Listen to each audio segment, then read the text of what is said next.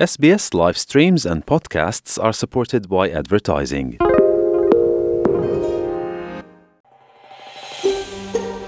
شما با پروگرام دری رادیوی اسپیس هستید گزارشات عالی را در sbs.com.au دری پیدا کنید صحت روانی بخش مهم سلامت و رفاه عمومی است. احتمال زیاد موجود است که مردم دارای امراض روانی و عصبی به امراض جسمانی مبتلا شوند. در استرالیا مردم می توانند به میزان وسیع از خدمات صحت روانی دسترسی داشته باشند اما شناسایی علائم مشکلات روانی و طلبیدن کمک بسیار مهم است هر سال از هر پنج استرالیایی یکیشان مشکلات روانی را تجربه می کنند و تخمین می شود که 45 فیصد همه استرالیایی ها ممکن در یک مرحله از زندگی خود دچار بیماری روانی شوند. ماریا کانگاس روانشناس و استاد روانشناسی در پوانتون مکواری می گوید که دو نظمی صحت روانی که استرالیایی ها و مردم سراسر جهان از آنها متاثر می شوند افسردگی یا دپرشن و استراب هستند. در مورد افسردگی آثار هشدار دهنده آن مشتملند به دیگر لذت نبردن از فعالیت هایی که مردم قبلا از آن لذت می بردند به شمول سرگرمی های ذوقی دیگر انتظار معاشرت کردن با مردم را نداشتن گرچه در وقت کووید این کار به خاطر محدودیت ها هم مشکل شده است. مشاهده کردن تغییرات در شیوه خوابیدن و تمرکز توجه احساس بیشتر بدخلقی ناراحتی دفاع از خود و حساسیت کردن در مقابل اظهارات دیگران و ممکن به آسانی به گریه افتادن. بنان مجموعه وسیع از علائم وجود داشته می تواند و این بدان معنا نیست که شما باید همه آنها را داشته باشید. دکتر کنگس می گوید که ممکن یک واکنش معمول مثل گوشگیری کردن در مورد هر دوی آرزه های روانی افسردگی و استراب رخ بدهد. در مورد استراب این آرزه به ترس ارتباط دارد. ترس از این که مردم آنها را چگونه می بینند اگر این استراب اجتماعی باشد ترس از ارزیابی منفی یا مورد انتقاد قرار گرفتن از جانب دیگران است. این در زمینه های اجتماعی می باشد. در مورد استرابی عمومی ترس از آینده، خراب شدن کارها، ترس درباره بد شدن امور در بین خانواده، در کارها و در جهان می باشد. ولی این ترس بیش از حد می باشد. این بسیار بیشتر از چیزی است که یک شخص عادی از آن می ترسد. او می‌گوید که مردم از کووید در حراسند اما این بدان معنا نیست که همه این مردم مبتلا به اختلال روانی هستند یا احتمال دارد دچار آن شود اما بستگی به این دارد که مردم چگونه به این ترس ها در طول زمان رسیدگی می کنند.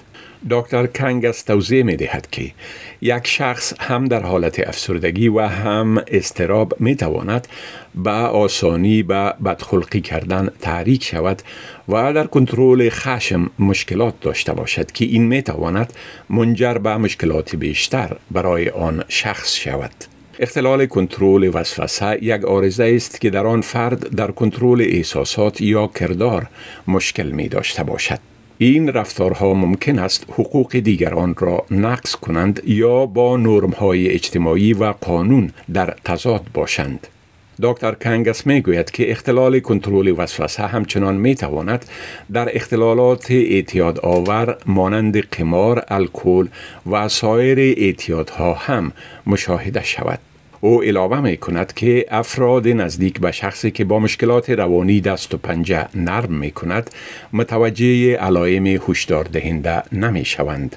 هری مینس برای سالهای زیاد در تبابت روانی و عصبی کار کرده و رئیس شعبه صحت روانی جهانی و فرهنگی پوهنتون ملبورن است. او می‌گوید که اگر شما این علائم را در شخصی ببینید نباید بر آنها چشم پوشی کنید بلکه با آنها صحبت کرده و فضای را به وجود بیاورید که این شخص در صحبت کردن با شما درباره چیزی که او را پریشان ساخته احساس راحتی سلامتی کند.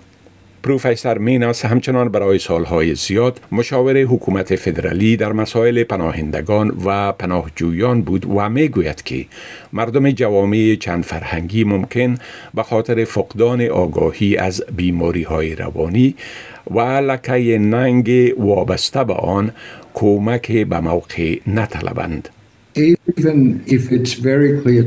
حتی اگر به هر کس واضح باشد که شخص بیماری روانی دارد با این هم ممکن این گونه افراد به شکل در خانه نگهداری شوند. خانواده ها ممکن تماسشان را با جامعه خود کاهش بدهند چون آنها می شرمند و در حقیقت ممکن در مقابل خواستن کمک مسلکی برای شخص مبتلا به بیماری روانی مقاومت کنند.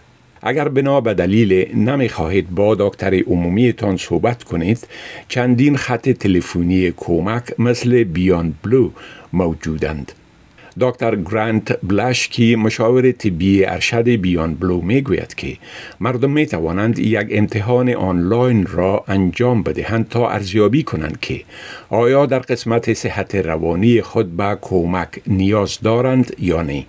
او می گوید که این امتحان به نام کیتن از مردم ده سوال می پرسد و در مورد علائم به صورت فوری پاسخ می دهد. دکتر بلاشکی می گوید اگر نتیجه آزمونتان نشان دهنده علائم متوسط باشد باید به خط کمک تلفنی بیان بلو زنگ بزنید و در صورتی که نتیجه علائم شدید باشد باید دکتر خانوادگی یا جی پی تان را ببینید در بسیاری کشورها دکتر خانوادگی یا جی پی کسی نیست که او را به صورت طبیعی یک نقطه خوب تماس برای یک مشکل صحت روانی بدانید. اکثر فرهنگ ها تصور می کنند که دکتران عمومی صرف برای فشار خون و مشکلات جسمانی هستند. اما در استرالیا دکتران عمومی بخش مهمی از نیروی کار صحت روانی ما هستند. و در حقیقت آنها می توانند چیزی را که برنامه صحت روانی دکتر عمومی خوانده می شود انجام بدهند. این بدان معناست که شما برای ملاقات با یک روانشناس متخصص هزینه مدیکیر را حاصل می کنید. یک نهاد صحت روانی چند فرهنگی به نام Embrace Multicultural Mental Health در ارتباط با صحت روانی و جلوگیری از خودکشی در جوامع متنوع فرهنگی و زبانی در استرالیا کار و فعالیت می کند. روث داس مدیر پروژه امبریس در اداره صحت روانی استرالیا می گوید که این پروژه یک زمینه را برای خدمات روانی استرالیا و جوامع چند فرهنگی فراهم می کند تا آنها به منابع و خدمات به یک شیوه مناسب فرهنگی دسترسی حاصل کنند. ما در وبسایت خود صفحات اطلاعاتی چند زبانه داریم که معلومات را به زبانهای مختلف درباره مسائل و مشکلات مختلف روانی و همچنان در مورد این که مردم برای گرفتن کمک به چی جای مراجعه نمایند فراهم می کنند. ما همچنان در آنجا ویدیوهای مردم با تجربه مشکلات روانی را داریم که درباره داستانهای صحت روانیشان و چگونگی این مشکلات برایشان صحبت می کنند. شنونده هایی که در مورد صحت روانی کمک می طلبند می توانند با Lifeline شماره 13 11 14 یا با Beyond Blue با شماره 13 224 636 تماس بگیرند. بپسندید، شریک سازید و نظر دهید. اسپیس دری را در فیسبوک تعقیب کنید.